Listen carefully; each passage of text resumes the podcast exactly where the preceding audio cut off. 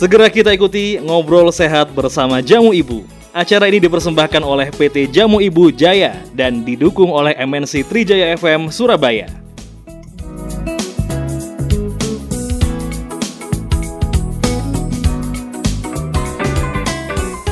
Apabila Anda terlalu letih, kurang istirahat, tidur larut malam, dan makan sembarangan yang tidak sehat, hal tersebut menyebabkan menurunnya daya tahan tubuh dan berbahaya bagi kesehatan liver. Ayo, minum Kurmino Plus Neo dari Jamu Ibu. Kurmino Plus Neo mengandung ekstrak temulawak, sambiloto, dan meniran dengan kandungan zat aktif yang berguna untuk meningkatkan daya tahan tubuh dan menjaga fungsi liver. Kurmino Plus Neo dikemas dalam kapsul ekstrak yang praktis, tanpa pengawet dan pewarna sehingga aman untuk dikonsumsi. Sayangi liver dan jaga daya tahan tubuh Anda dari wabah virus corona dengan minum Kurmino Plus Neo satu kali sehari. Kurmino Plus Neo dari Jamu Ibu.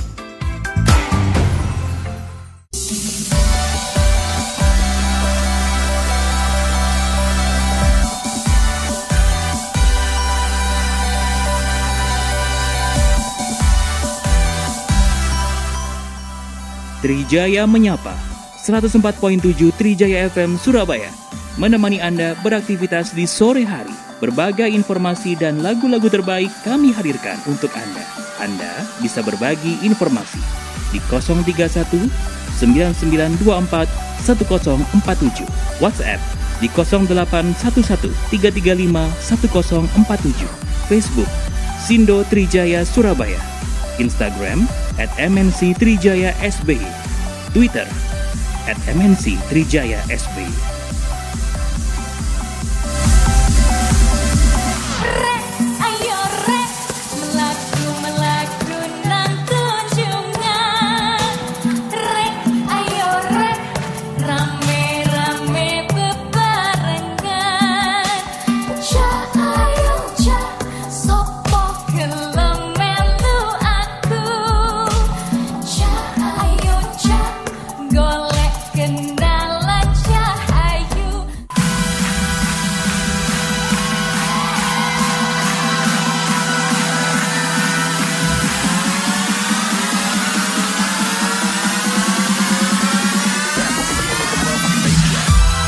Radio lawan COVID-19 104.7 Trijaya FM Surabaya The Real News and Information. Selamat sore pendengar Trijaya Semoga kabar baik semuanya ya.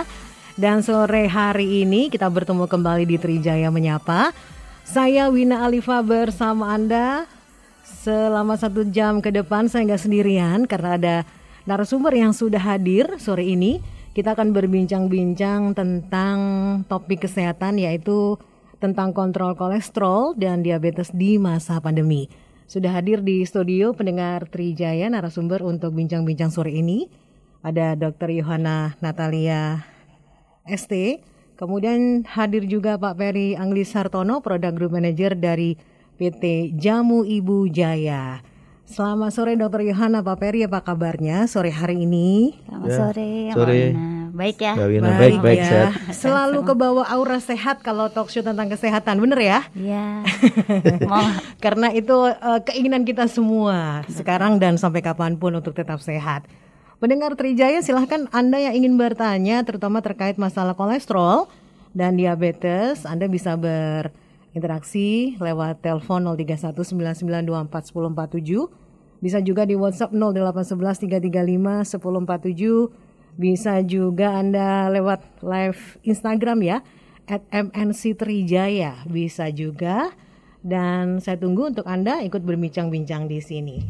Saya ke Dokter Yohana dulu untuk memulai perbincangan kita. Dok, ini hmm. dua apa ya penyakit atau kondisi yang sudah sangat familiar ya tentang diabetes dan kolesterol. Betul. Katanya penyakit orang modern, mm-hmm, katanya betul. penyakit orang apa ya yang yang hidupnya enak orang gitu ya. zaman now pokoknya. Orang, orang zaman now. milenial pun juga bisa kena nah, ini. milenial iya sudah bisa terkena diabetes dan kolesterol. Tapi dokter Yohana bisa jelaskan ya apa sebenarnya diabetes dan kolesterol itu dok? Oke, jadi sebetulnya ini tuh dua topik yang menarik dan sebetulnya butuh waktu panjang untuk Harusnya panjang ya, Dok, ya? Tapi nggak apa-apa. Dengan waktu yang Dikit-dikit. singkat ini paling nggak intisarinya nanti mungkin bisa dapat ya. Mm-mm, benar. Jadi Iya. kalau kita bahas dulu satu-satu yang tentang diabetes dulu. Iya. Kalau diabetes ini kan memang penyakit ya namanya eh, judulnya diabetes itu adalah suatu gangguan di mana kadar gula dalam tubuh seseorang itu melebihi batas normal. Iya. Nah, kadar gulanya ini parameter yang digunakan yang diperiksa adalah gula darah acak, Mm-mm. gula darah puasa, jadi 8 jam tidak makan dan gula darah 2 jam setelah makan atau Iya. gula darah eh, 2 jam PP. Iya. Kalau gula darah acak di atas eh, 180, lalu gula darah puasa di atas 100, 120 dan gula darah 2 jam PP di atas 140, 160, berarti sudah dibilang ada gangguan metabolisme gula darah atau yang Iya. disebut dengan diabetes. Mhm. Nah, selain itu juga ada ada pemeriksaan yang namanya nih HbA1c. Jadi kok saya nih sebenarnya ada gejala diabetes ya, tapi pada saat saya cek gula darah acak kok normal. Iya. Itu bisa dilihat dengan pemeriksaan yang namanya HbA1c. Jadi nggak boleh happy dulu ya Eh, kalau pemeriksaan acaknya masih normal. Periksa Betul. dulu HbA1c. Heeh, Jadi itu untuk melihat apakah tiga bulan terakhir gula darah kita baik atau enggak dari Oke. hemoglobinnya. Baik.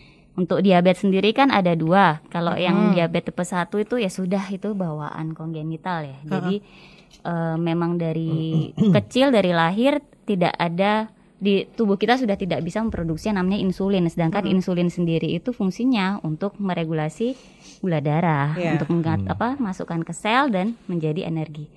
Ya sudah mau nggak mau berarti harus pakai insulin dari kecil. Ya. Kalau yang kita sering temuin ini yang diabetes tipe 2 Ya. itu mulai dari lifestyle kita yang nggak bagus. Mhm. Jadi kita tidak eh, proporsi makan tidak baik, banyak gula da, apa banyak gula yang kita konsumsi, akhirnya insulin yang harus diproduksi oleh pankreas berlebihan. Ya. Sehingga pankreasnya nanti capek lama-lama. Mhm. Pada saat dia sudah capek, dia tidak bisa memproduksi insulin lagi. Akhirnya mau nggak mau kita juga harus konsumsi obat anti diabetes sampai ke suntiknya. Iya. Itu kalau untuk diabetes. Baik, tadi dokter Yohana menyinggung untuk diabetes tipe 2 ya dok ya, yang karena lifestyle kita. Betul. Itu lifestyle yang seperti apa dok yang bisa memicu munculnya diabetes? Nah, kalau lifestyle-nya kembali lagi ke prinsip ya entah itu diabetes atau kolesterol itu dari prinsip eh, supply dan demand. Jadi kalau misalnya kita asupannya diet kita terlalu berlebihan, supply-nya kita terlalu berlebihan, sel- eh, tetapi demand-nya atau kita tidak melakukan aktivitas untuk mengeluarkan kalorinya, berarti kan akan terjadi penumpukan di Iya. sirkulasi kita. Pada saat kita eh, konsumsi gula yang berlebihan itu, sedangkan kita aktivitasnya berkurang, itu bisa menimbulkan masalah di eh, kadar gula darah kita. Selain dari genetik-genetik dan bawaan yang eh, seperti diabetes tipe 1 itu. Baik, itu Hmm, tentang itu diabetes. diabetes. Kalau kolesterol dok? Oke.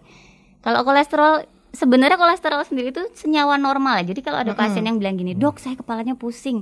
Saya punya kolesterol." Nah, saya jawab gini, Mbak Bina, "Loh, sama. Saya juga punya kolesterol." Sama kayak gini, saya, dulu. saya, saya punya jantung. Iya. Maksudnya sakit jantung. sama. Jadi tapi tergantung kolesterol kadarnya seberapa. Nah, Jadi kalau ah, ada ah. yang namanya dislipidemi atau kadar kolesterolnya yang tidak normal bisa lebih bisa kurang. Cuman kalau kurang kita nggak terlalu concern ke situ ya. Iya. Cuman kita concern ke yang berlebihan atau Iya. yang namanya hiperkolesterolemia. Nah, parameternya yang diperiksa ada juga profil lipid namanya. Oke. Yang dicek adalah kolesterol total itu normalnya di bawah 200, lalu juga ada trigliserid normalnya di bawah 150.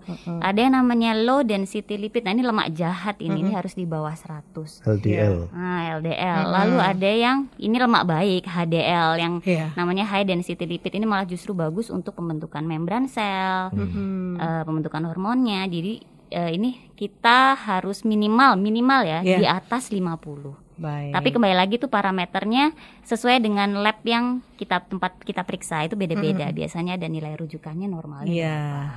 Nah, kita juga pastinya pengen tahu nih dok ciri-ciri individu yang punya kadar kolesterol tinggi dan kadar gula tinggi yang memicu diabetes itu seperti apa dok?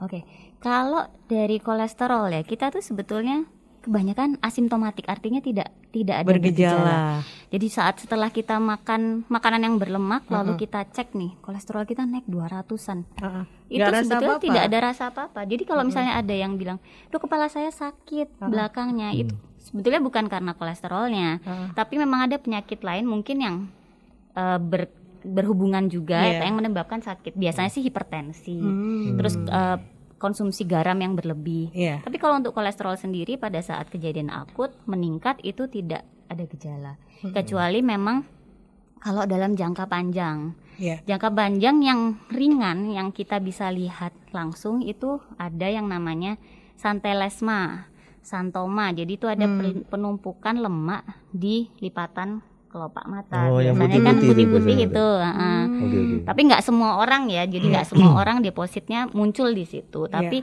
biasanya kalau kita lihat, oh ini ada putih-putih, terus di tubuh yang santoma di daerah tubuh juga ada Oh. seperti apa putih-putih itu, heeh. yaitu penanda Pasti bahwa kolesterol. dia hiperkolesterol. Oh gitu.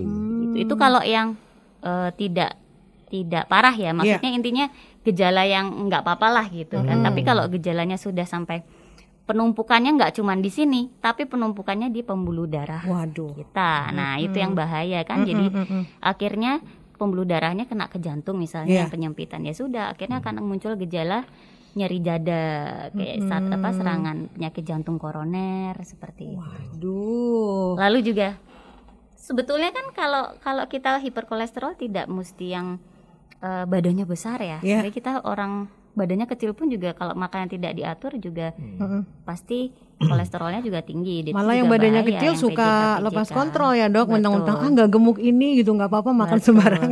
Tapi nanti ujungnya bisa kena jantung Nah. koroner. Jadi ya tetap harus waspada juga. Iya, itu untuk kolesterol ya. Kalau untuk ciri-ciri atau gejala yang orang Diabetes. eh, diabetes Oke. dok?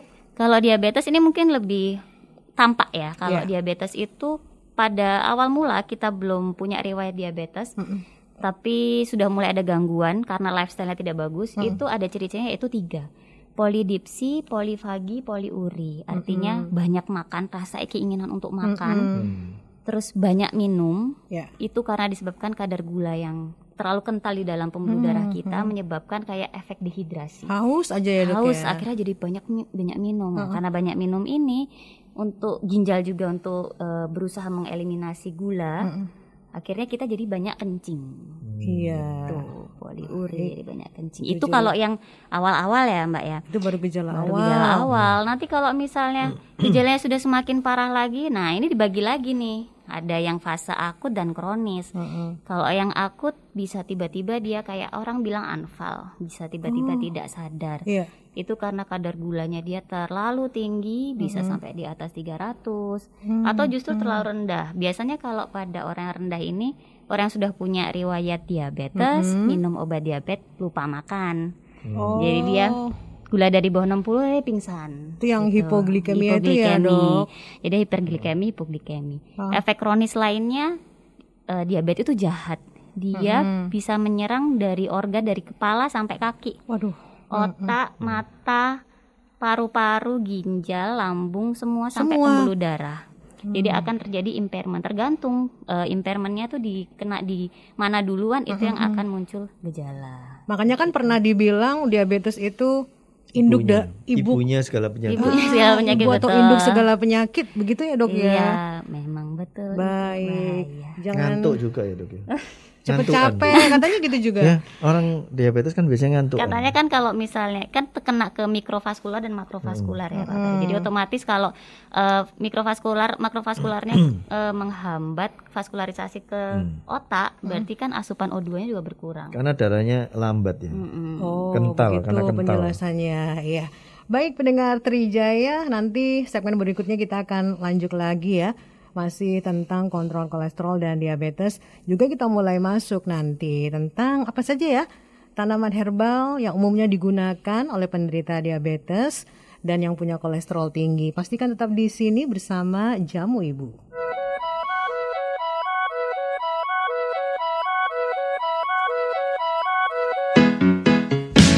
Debar kencang bergema di dada Tiap kali jumpa dirinya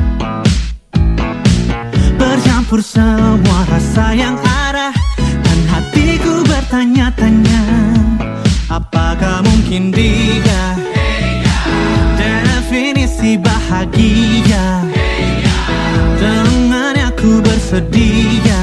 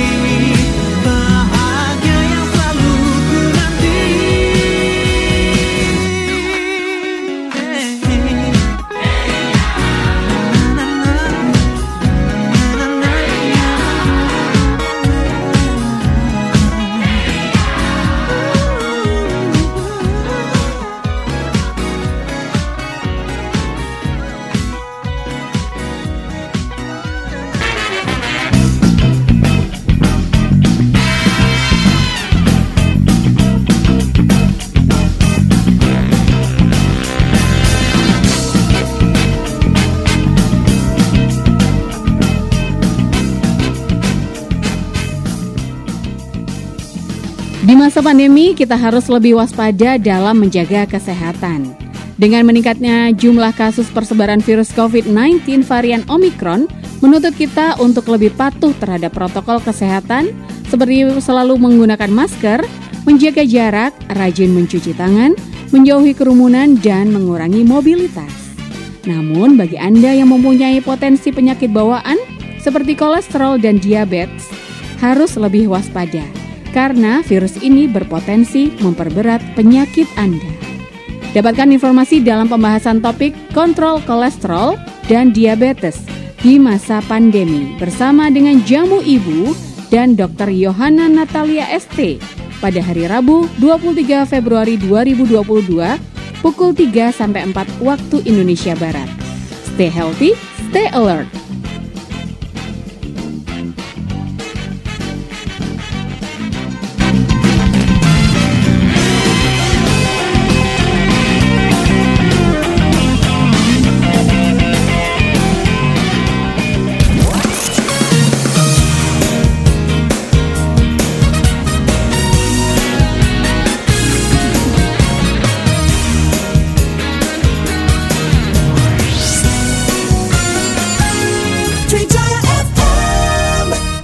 Pendengar Trijaya kita lanjut lagi ya. Bincang-bincang masih bersama Dr. Yohana Natalia ST dan Pak Peri Angli Sartono Product Group Manager dari PT Jamu Ibu Jaya. Kita lagi bicara tentang kontrol kolesterol dan diabetes di masa pandemi. Terima kasih yang sudah mengirimkan pertanyaan lewat WhatsApp. Yang belum silahkan. Waktunya masih panjang. Anda bisa kirimkan WhatsAppnya di 0811 335 1047 yang lagi ikut live IG juga boleh bertanya yang belum boleh ikut live IG at MNC Trijaya SBY Dokter Yohana kita lanjut lagi ya. Oke. kalau kita kaitkan dengan kondisi pandemi sekarang ini ya, apakah penderita diabetes, kemudian yang punya kolesterol tinggi, punya risiko tinggi juga untuk atau kalau terpapar virus COVID-19? Jadi kalau kondisi eh, diabetes dan kolesterol ini mirip-mirip ya. Pada saat sebelum terkena.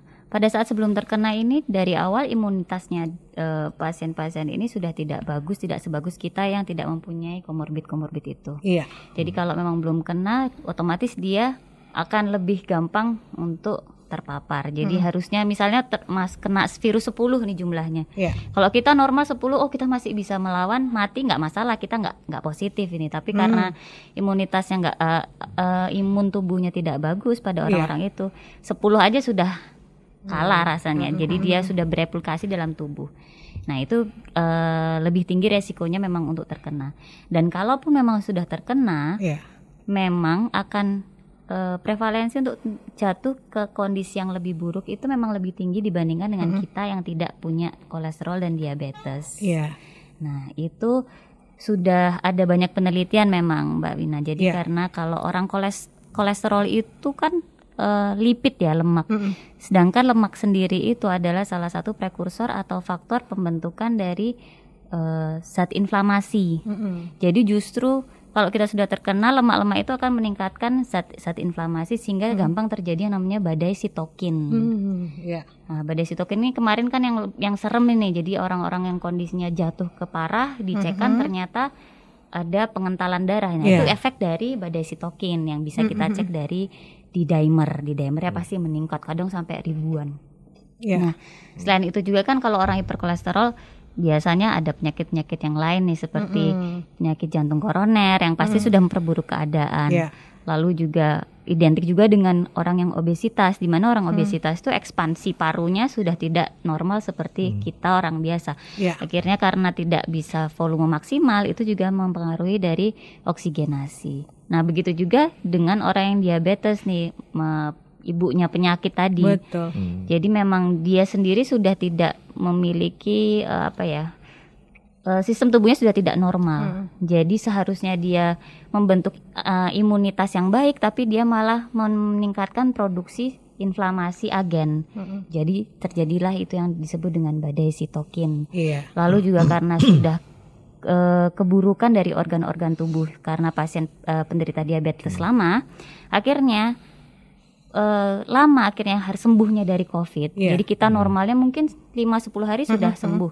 Tapi karena clearance-nya tidak baik pada penderita diabetes, Iya. akhirnya dia lama penyembuhannya gitu untuk diabetes. Iya, jadi benar-benar harus diwaspadai ya Betul. untuk penderita diabetes, untuk yang punya kolesterol tinggi. Kita aja yang sehat walafiat itu bisa terpapar COVID-19 apalagi yang sudah ada penyakit penyerta begitu ya, Dok ya. Baik, nah saya ke Pak Peri sekarang. Pak Peri, Ya. Indonesia ini kita tahu kaya dengan apa tanam tanam tanaman yang berkhasiat untuk kesehatan ya Pak ya. Ya. Kalau dikaitkan dengan topik sore ini diabetes dan kolesterol, tanaman herbal apa saja Pak Peri yang punya manfaat untuk membantu penderita diabetes dan kolesterol Pak? Iya. Ada beberapa ya sebetulnya eh, Mbak Wina tanaman obatnya ya. Diabetes contohnya ya. Diabetes itu kalau orang umum biasanya nyebutkan kencing manis. Iya, Ya, ya, betul. Kayak gitu ya. Ah, itu biasanya kalau eh, apa namanya orang yang kencing manis karena katanya kencingnya manis, berarti tanaman herbalnya harus yang rasanya pahit.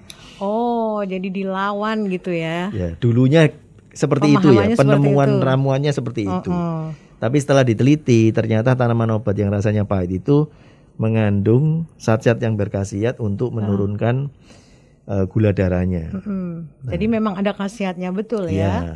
Jadi salah satu contohnya kalau untuk eh, diabetes atau kencing manis itu ada beberapa ya ada brotowali ya gitu kan pahit sekali Pahit ya. banget Lalu ya. sambiloto itu kan juga pahit. ya. Lalu temulawak Ya. itu juga Baik. ya. Kunyit dan daun salam itu di antaranya ya. Kalau yang untuk kolesterol Ya. karena lemak ya, koles- kolesterol lemak, lemak itu kan licin ya. Ya. Ya, identiknya di gitu kalau orang dulu ya penemuannya. Jadi Jadi bahan eh, apa namanya tanaman herbalnya itu harus yang rasanya Keset-keset. sepet. Oh, logikanya Ini gampangnya kayak gitu. Tapi setelah diselidiki ternyata, Ternyata mengandung benar. nah itu. Heeh. Jadi apa namanya? Tuhan itu sudah menyiapkan penyakit dan menyiapkan obatnya, sebelumnya dari Allah. Iya, iya, iya. Jadi contohnya apa? Jadi kayak kolesterol itu contohnya bawang putih, Hmm, ya jahe, getir-getir ya, gimana gitu ya. temulawak, daun sirih dan sebagainya. Tapi ya sekali Oh. lagi karena sifatnya ini herbal, herbal itu lebih ke maintenance ya. Iya. Jadi lebih ke mencegah. Mm-mm. Jadi lebih ke preventif bukan ke kuratifnya sebenarnya. Ya, jadi Kalau mencegah sebelum ya, sakit. kalau untuk kuratif itu pun dia perannya hanya membantu. Mm-mm. Jadi membantu meringankan sakitnya. Jadi jangan menganggap bahwa kalau kolesterolnya tuh tinggi sekali lalu makan bawang putih beberapa siung gitu terus bisa turun gitu ya. Enggak bisa seperti itu gitu. Iya, kalau sudah tinggi sekali menurut saya harus dibantu dengan obat dari dokter ya. Baik. Harus kontak dokter Yohana. Boleh mau konsul yang lainnya boleh kalau Ferry. konsultasi sekarang dengan dokter Yohana juga boleh ya buka Ya. praktek di sini sore hari ini. nah kalau untuk produk jamu ibu Pak Peri yang punya khasiat membantu menjaga kolesterol dan diabetes juga menjaga daya tahan tubuh apa Pak Peri kan kita sekarang ini maunya yang praktis-praktis ya nggak usah Ya. nyari sambilotonya di mana brotowalinya di mana. Harus nanam dulu. Nah, nanem nunggu tumbuh repot deh. Ya, kalau dari jamu ibu ini ada beberapa produk ya. Kalau untuk yang kolesterol misalkan, Mm-mm. kita ada yang bentuknya kapsul ekstrak. ya. Iya. Kapsul ekstrak itu Garlicia Plus seperti ini. Garlicia Plus bentuknya kapsul ekstrak. Uh-uh. ya. Tapi kita juga punya yang bentuknya serbuk yang diseduh. Jadi masih kadang masyarakat itu banyak yang eh, beranggapan bahwa oh kalau nggak diseduh itu nggak nggak jamu banget gitu. Sensasi minum jamunya itu kurang padahal ya. kan eh, sekarang sudah bisa diekstrak bentuk kapsul. Iya, yang gak suka rasa jamu Iya. ya. Ah, Nah, kalau yang masih suka diseduh jamu yang apa namanya rasanya yang masih agak pahit gitu ya. Itu ada kolesir ini punya kita. Kolesir. Iya. Iya. Itu diseduh. Tapi jangan dicampur telur ya. Jadi kalau jamu seduhan itu kalau untuk jamu seduhan yang untuk indikasinya untuk pengobatan itu jangan dicampur dengan telur. Ada yang dicampur telur ayam memang Pak Ferry? Ada itu untuk jamu-jamu yang kesehatan sehari-hari. Misalkan pegelinu, Oh iya iya. sehat lelaki, ya, misalnya itu boleh campuri telur. Tapi Iya. kalau untuk yang pengobatan jangan. Hmm, Itu. Baik. Nah, kalau yang untuk diabetes ini ada Ya. beberapa produk juga ya, ada yang bentuk serbuk seperti ini, pahitan lah orang tahu pasti ya. Iya. Pahitan. Jamu pahitan itu Ya, ya. tapi kalau yang bentuknya kapsul ekstrak itu ada dua sebenarnya. Ada yang diabetin, ini yang ramuan, jadi ada berbagai macam tanaman ya, tanaman obat di sini. Tapi ada juga yang cuman satu item sambiloto. Nah, sambiloto ini bagus untuk selain untuk menurunkan kadar gula, dia juga bagus untuk imunostimulan Oke. atau merangsang untuk daya tahan tubuh. Ya, makanya kan zaman Covid ini sambiloto Ah legit itu. jadi hits ya Betul. Pak Ferry. Iya, itu yang lagi dicari. benar. itu sambiloto. Jadi Iya, cari iya. yang pahit-pahit. Hmm. Kalau hidupnya udah pahit masih Ya. perlu nggak cari Daripada kena Covid lebih baik hidupnya Lebih pahit baik. dikit ya. Lebih baik lagi ya. Baik. Nah, pendengar Trijaya pasti juga tahu komposisi yang ada di Garlicia Hmm. Plus juga Sambiloto Pak Ferry. Iya. Kalau untuk Garlicia Plus itu eh, ada beberapa komposisi ya. Di Iya. antaranya ada bawang putih ya. Nah, bawang putih ini mengandung alisin ya, zat aktifnya. Itu untuk mencegah penyempitan dan pengerasan pembuluh darah. Oke. Lalu ada mengkudu, ya, itu untuk melancarkan peredaran darah dan diuretik atau peluru air seni. Mm-mm. Lalu ada daun salam, ya, itu dia punya zat berkhasiat flavonoid dan tanin. Ya. Itu untuk menurunkan kadar kolesterol dan peluru air seni atau diuretik juga. Lalu juga ada temulawak. Nah, temulawak ini meningkatkan sekresi empedu untuk membantu menurunkan kadar kolesterol dalam darah. Jadi sebenarnya ta- tanaman obatnya ini ada beberapa yang ada di masakan kita sehari-hari. Betul. Kayak misalkan daun salam, soto yang kolesterol itu ada daun salamnya biasanya. Iya. Kan gitu. Betul. Lalu bawang putih itu sering Mm-mm, dipakai pasti. untuk selalu ada ya bawang putih itu ya, mau ada. numis mau apa tuh ada Bawang berambang istilahnya, bawang putih, Ah, bawang gitu. merah ya. Ya. Oke. Baik, jadi itu komposisinya kalau sambiloto ya memang sambiloto ya dok Iya. ya. Jadi nggak usah repot-repot cari daun sambilotonya. Dan kita sudah ditunggu cukup banyak para penanya yang berinteraktif lewat WhatsApp. Tapi kita break dulu, sabar dulu ya pendengar Trijaya.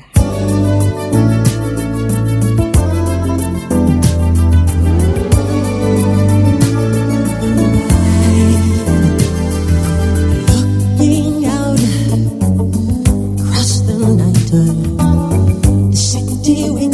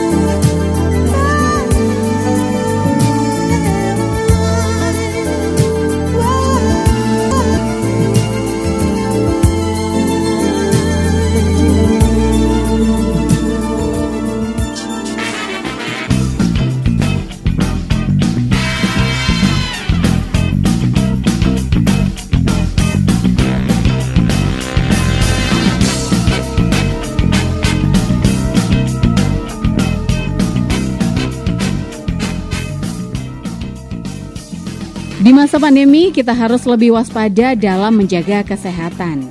Dengan meningkatnya jumlah kasus persebaran virus COVID-19 varian Omicron, menuntut kita untuk lebih patuh terhadap protokol kesehatan, seperti selalu menggunakan masker, menjaga jarak, rajin mencuci tangan, menjauhi kerumunan, dan mengurangi mobilitas. Namun, bagi Anda yang mempunyai potensi penyakit bawaan seperti kolesterol dan diabetes, harus lebih waspada karena virus ini berpotensi memperberat penyakit Anda. Dapatkan informasi dalam pembahasan topik kontrol kolesterol dan diabetes di masa pandemi bersama dengan Jamu Ibu dan Dr. Yohana Natalia ST pada hari Rabu 23 Februari 2022 pukul 3 sampai 4 waktu Indonesia Barat. Stay healthy, stay alert.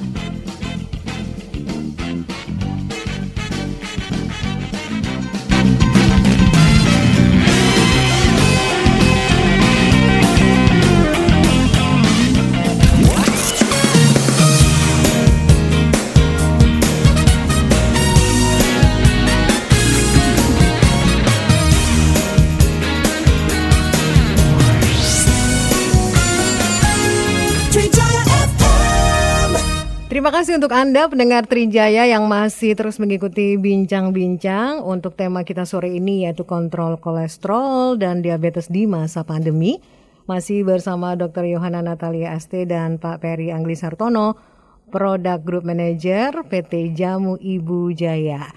Sebelum ke pertanyaan saya lanjut lagi ke Dr. Yohana. Dok, untuk penderita diabetes dan kolesterol apa bisa divaksin dok atau ada hal-hal yang perlu diperhatikan?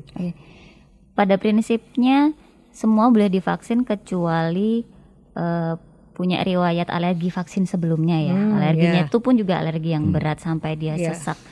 Tapi kalau memang tidak ada dengan kondisi yang stabil, penderita kolesterol ataupun diabetes boleh divaksin. Justru malah penting untuk divaksin Iya, karena untuk ya jaga-jaga sebelum kena yang beneran lebih baik latihan dulu imunnya untuk membentuk eh, antibodi. Karena kan apa pun itu vaksin itu pra- partikel virus yang sudah dimatikan. Iya. Jadi diambil untuk latihan supaya imun kita membentuk tentara-tentara untuk melawan dari virus itu sendiri. Tambahan lainnya dok mungkin untuk penderita diabetes harus dipastikan kadar gula darah terkontrol, kemudian tubuh dalam kondisi fit. Apa perlu hal-hal seperti itu sebelum divaksin? Sebenarnya tidak ada eh, syarat yang khusus kalau misalnya kita mau datang vaksin kita harus cek dulu nih paginya cek gula darah berapa gitu. Tapi eh, yang pasti harus stabil karena Iya. kan kita biasanya bisa kita rasakan juga dalam tubuh kita sendiri. Kalau Iya. kita dalam kondisi yang terkontrol baik, makan juga baik dan minum obat, terus tidak ada keluhan seperti tiba-tiba kita lemes terus pingsan, Nah. itu nggak apa-apa. Karena kan kembali lagi ke komplikasi akut tadi ya. Jadi Iya. kalau misalnya eh, pada saat kondisi hiperglikemi atau hipoglikemi sampai eh, tidak stabil, jatuh pingsan dan sebagainya ya kita tidak sarankan untuk vaksinasi dulu karena apa pun itu untuk membentuk imunitas eh, antibodi yang bagus diperlukan kondisi tubuh yang fit. Kalau kondisi tubuhnya sedang tidak fit, dia tidak akan maksimal dalam pembentukan antibodi. Sebenarnya ke arah itu aja sih, bukan situ berarti kalau eh, divaksin dengan kondisi yang sakit akan menjadi positif itu enggak. Tapi lebih ke arah pembentukan antibodinya yang tidak maksimal. Iya, baik. Dan kita akan menjawab pertanyaan yang sudah masuk dari pendengar Trijaya. Yang pertama dari Mbak Aprilia di Sidoarjo. Apakah diabetes ini penyakit keturunan? Ketika orang tua menderita diabetes, apakah kita juga beresiko terkena diabetes? Oke. Jadi eh, saya jawab langsung ya Mbak Ivina ya. Langsung, Jadi, dok. eh, memang betul kalau eh, ada ketur ada orang tua kita memang menderita diabetes, kita akan meningkat resikonya 30% sampai 50% dibandingkan dengan orang yang lain. Kalau iklan eh, pemanis rendah kalori itu katanya berisiko enam kali ya dok ya? Iya betul. Jadi Oh. eh, lebih diwaspadai, lebih beware. Memang tidak Iya. selalu mesti kita pasti kena diabetes, tapi kita harus beware karena akan lebih sensitif. Jadi genetiknya kita yang dengan orang tua sudah punya diabetes Iya. itu sudah abnormal. Jadi dia akan eh, apa ya transkripsi sehingga dia mengikat gula darahnya sudah tidak akan sebaik dengan orang yang tidak mempunyai genetik diabetes itu sendiri ataupun kolesterol. Iya, begitu Mbak Aprilia. Dok, kalau mau dibanding-bandingkan resikonya tinggi mana antara lifestyle dengan faktor keturunan? Misalnya nggak punya keturunan diabetes, tapi lifestyle-nya buruk dengan orang yang punya keturunan diabetes, tapi dia masih menjaga lifestyle-nya. Ini lebih berisiko mana antara dua orang ini misalnya? Oke, kalau masalah resiko sebetulnya eh, kalau diabetes tipe 1 kan kita tidak bisa menghindari ya karena itu bawaan dari kecil. Cuman karena dia sudah dari awal tahu bahwa dia punya kekurangan, oh saya tidak punya insulin. Iya. Jadi dia lifestyle-nya baik, lalu dia eh, pemberian insulinnya rutin tiap hari, dijaga untuk supply dan demand-nya sehingga tidak sampai terjadi komplikasi yang eh, menahun dan lama itu malah Iya. justru lebih bagus outcome-nya dibanding dengan yang kayak tidak punya keturunan tapi terus di loss gitu saja. Mm-mm. Jadi eh, akhirnya biasanya orang meremehkan tidak pernah kontrol, tiba-tiba ternyata sudah jatuh ke kondisi yang Hmm. eh, akut itu tadi ternyata oh sudah bertahun-tahun gula darahnya tinggi tidak dikontrol, Hmm. sudah terlanjur rusak ininya Iya. organ-organnya. Sayang banget Sudah ya. terlanjur. Tapi kalau yang sudah dari awal sudah dikontrol dengan baik, Hmm. outcome-nya juga pasti lebih baik. Oke, baik. Nah, ini ada pertanyaan dari Pak Wahyu. Berapa harga Garlisia Plus dan Sambiloto juga di mana bisa membelinya? Ini memang poin yang akan saya tanyakan juga ke Pak Ferry dan Iya. ditanyakan oleh Pak Wahyu. Silakan, Pak Ferry. Ya, harganya sangat terjangkau ya, Mbak Wina ya. Untuk Garlisia Plus itu satu botol itu isi 30 kapsul ekstrak. ya. Harganya berkisar antara 67.000 sampai 76.000 ya. Mhm. Itu yang beredar di pasar. Nah, lalu untuk yang Sambiloto Iya. itu sama satu botol itu isinya 30 kapsul ekstrak. Mhm. Harganya antara 42.000 sampai 47.000. Ya. Nah, belinya, Belinya? itu bisa di eh, outlet offline ya, kayak apotek, toko obat, Mm-mm. lalu drugstore-nya yang di minimarket Iya. dan sebagainya. Itu yang offline. Tapi bisa juga secara eh, online ya. Online bisa di marketplace yang official jamu ibu ya, ada di Shopee, Tokped, ya Tokopedia, Bukalapak, Ya. Lazada, Blibli gitu. Tapi kita juga punya eh, home delivery service. Hmm, bisa diantar ya. Ya, jadi tinggal chat aja di nomor WA Hmm. 081 Hmm. 2367 Oke. 7979. 7979. Ya, Ada minimum pembelian Pak untuk bisa dapat home delivery ini?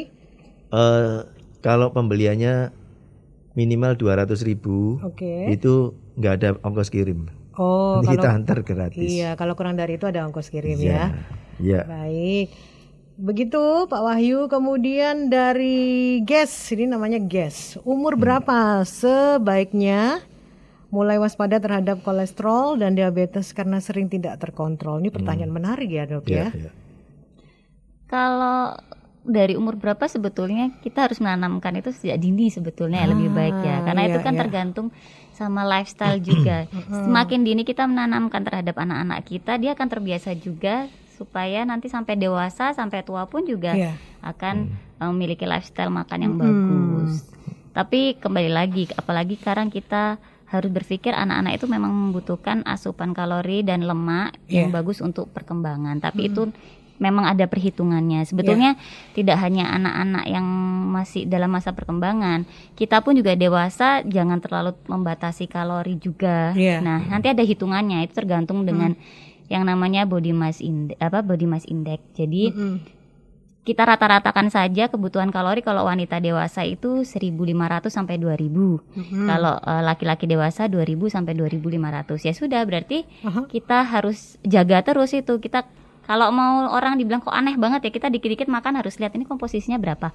Berapa kalori. Loh tapi itu justru yang betul mbak Wina. Gitu Jadi ya. kita harus ngelihat kita harus eh, batasi diri. Paling enggak oh 1.500 sudah nih makan. Jangan lagi ditambahin nasi padang yang 600 kalori. Kalau kita ngukurnya tuh ke perut, ini udah kenyang belum ya? Oh belum. Oh. Jadi bukan dari kalau itu perutnya bisa melar mbak Wina. Nggak kenyang-kenyang kalau itu. Ukurannya bukan itu, tapi dari jumlah Dari kalori jumlah yang masuk kalori, ya. betul. Oke. Nah, Dok, ini kita di masa pandemi tentu butuh kewaspadaan ekstra ya untuk menjaga kesehatan. Nah, apa yang dilakukan untuk bisa mengontrol kolesterol dan diabetes di masa pandemi ini, Dok? Oke, jadi kalau untuk pengontrolnya kan kita eh, kembali lagi ke supply demand, berarti dari lifestyle, dari eh, asupan makan yang kita makan, diet nomor satu karena eh, diet yang kita makan itu adalah sumber utama gula darah ataupun kolesterol yang masuk ke dalam tubuh kita. Berarti kita harus sesuaikan dengan kebutuhan. kembali lagi. Dan yang kedua kita harus meningkatkan aktivitas kita, demand-nya untuk Ya. eh, mengeluarkan kalori. Dan sekarang kita kembali kita lagi dalam eh, masa pandemi, berarti kita harus olahraga yang safe. Jadi eh, tempat yang terbuka, sepedaan boleh, Iya. lari boleh, tapi tetap pakai masker. Iya. Tapi jangan sampai sepedaan habis itu sepedaannya lima menit terus mampir makan-makan. makan-makan. Buka jangan masker. seperti itu. Iya, ya banyak kan gitu, Dok. Makanya seperti itu. Terus juga eh, tetap jaga prokes nomor satu ya. Terus habis itu suplemen tubuh, entah itu vitamin-vitamin Iya. ataupun yang herbal-herbal dari luar itu boleh. Mm-mm. Yang penting sesuai dengan sudah eh, disetujui oleh BPOM. Lalu juga kalau memang sudah terkena ya otomatis kita harus eh, minum obat-obatan farmakologi yang Iya. dianjurkan oleh dokter sesuai dengan Iya. kebutuhannya. Baik, yang berikutnya dari Mas Arief, jamu ibu apa bisa untuk pengobatan kolesterol? Kebetulan kolesterol saya naik. Nah, nanti dijelaskan lagi sama Pak Peri, nyambung juga sama pertanyaannya Bu Dani. Jamu yang manis itu gula asli atau siklamat Pak Peri? Pertanyaannya Bu Dani. Ya mungkin saya eh, jawab yang Budani dulu ya. Hmm, boleh. Jadi jamu ibu memang ada yang jamu yang nggak pahit, Ya. ya manis itu ibu natural drinks Mm-mm. yang bentuknya ekstra granul ya. Mm-mm. Jadi itu gulanya kita bukan pakai pemanis buatan, tapi Iya. kita pakai gula asli. Gula asli. Makanya kenapa berat per sasetnya itu 25 gram. Mm-mm. Karena ekstraknya kita ikat dengan gula asli. Gula, baik. Itu. Oke. Nah, kalau untuk Mas siapa tadi? Mas Arief? Mas Arief ya, untuk membantu meringankan kadar kolesterolnya itu bisa konsumsi Garlicia Plus Mm-mm. dari jamu ibu. Ya. Dua bisa eh, untuk menjaga aja sekali minum dua kapsul. Hmm, iya. Begitu. Kemudian ini dari Dr. Zulkarnain. Wah, yang bertanya dokter juga ini. Saya mau tanya produk jamu ibu untuk mencegah diabetes dan apa kontrolnya untuk mengetahui jamu yang diminum sudah pas dosisnya? Apa ada efek sampingnya? Ya, Oke. nah ini anu ya menjawab dokter ini saya. Iya, menjawab dokter Zul, Pak Peri. Iya. Tanyanya ke saya. Iya. Karena tentang produknya jamu ibu. Iya dok. Kalau untuk jamu ibu itu ada yang memang eh, ramuan ya, ramuan Iya. jadi terdiri dari beberapa komposisi tanaman obat. Itu ada diabetin namanya dok. Mm-mm. Nah, itu isinya ada macam-macam diabetin itu. Jadi isinya ada brutowali, Ya. ya, lalu sambiloto dan temulawak. Nah itu memang hanya membantu, sifatnya membantu untuk meringankan gejala diabetes atau kencing manis. Iya. Jadi memang bukan untuk mengobati ya.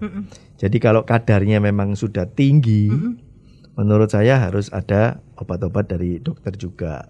Baik. Jadi jamu ini kan memang seperti yang kita ketahui lebih banyak untuk maintenance atau preventif ya. Jadi untuk mencegah Hmm, iya. itu. Tapi kalau dikombinasikan Pak Peri antara produk jamu ibu dengan obat dari dokter, Boleh mestinya nggak ya. apa-apa karena indikasinya sama, tapi jangan diminum secara berbarengan ya. Jadi kasih jeda jeda kira-kira Iya. dua jam lah ya. oh iya, Mm. baik. Karena mungkin ada yang, aduh saya kok nggak sek ya, masih kurang yakin malah dengan obat dokter lebih yakin Iya. dengan produk-produk herbal. Iya. Tapi kondisi menuntut untuk mengkonsumsi obat dokter. Kalau Akhirnya- sudah tinggi sekali menurut saya harus anu ya, eh, harus konsultasi dengan dokter. Oh iya, oke baik. Tapi kalau untuk menjaga saja bisa di-maintain dengan herbal atau jamu.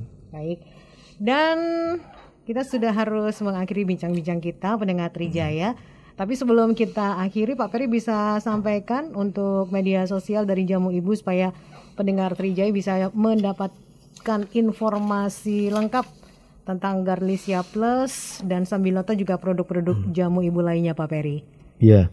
Kalau untuk eh, konsultasi itu bisa di customer service ya. Customer service kita di 081 Ya.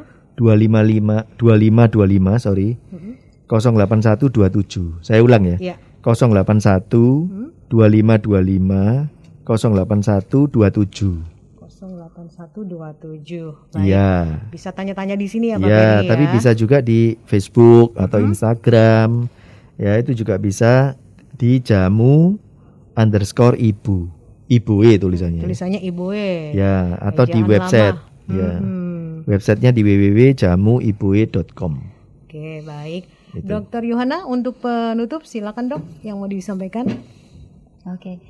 Jadi kalau di masa pandemi ini lebih tepatnya kita tetap harus waspada meskipun ini kan sudah orang Omikron sudah merajalela tapi kok ternyata apa efeknya nggak nggak sebegitu mengerikan seperti delta. Tapi jangan lengah karena Iya. apa pun itu di rumah sakit ini untuk eh, orang-orang dengan komorbid yang seperti diabetes, terus kolesterol tinggi, hipertensi, tetap bisa jatuh ke dalam kondisi yang jelek. Iya. Jadi kita tetap harus waspada, prokes tetap nomor satu, maskernya minimal N95 harusnya ya. Kalau nggak didobel aja untuk surgical masknya, lalu makan makanan asupan yang bergizi, olahraga dan juga suplemen yang baik. Baik. Dan itu adalah akhir dari bincang-bincang kita sore ini. Terima kasih Dokter Yohana, Pak Peri, terima kasih. Ya, Terima kasih, Mbak Wina. Ditunggu lagi nanti berikutnya ya. Kita masih ngobrol lagi tentang topik-topik kesehatan bersama PT Jamu Ibu Jaya. Terima kasih juga untuk Anda pendengar Trijaya. Setelah ini saya Wina Alifa masih bersama Anda di Trijaya Menyapa sampai jam 6 nanti.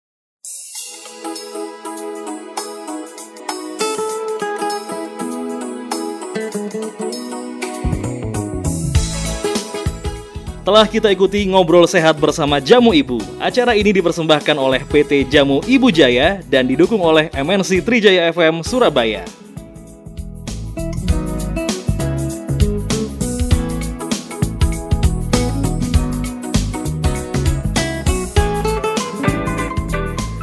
Apabila Anda terlalu letih, kurang istirahat, tidur larut malam, dan makan sembarangan yang tidak sehat, hal tersebut menyebabkan menurunnya daya tahan tubuh dan berbahaya bagi kesehatan liver.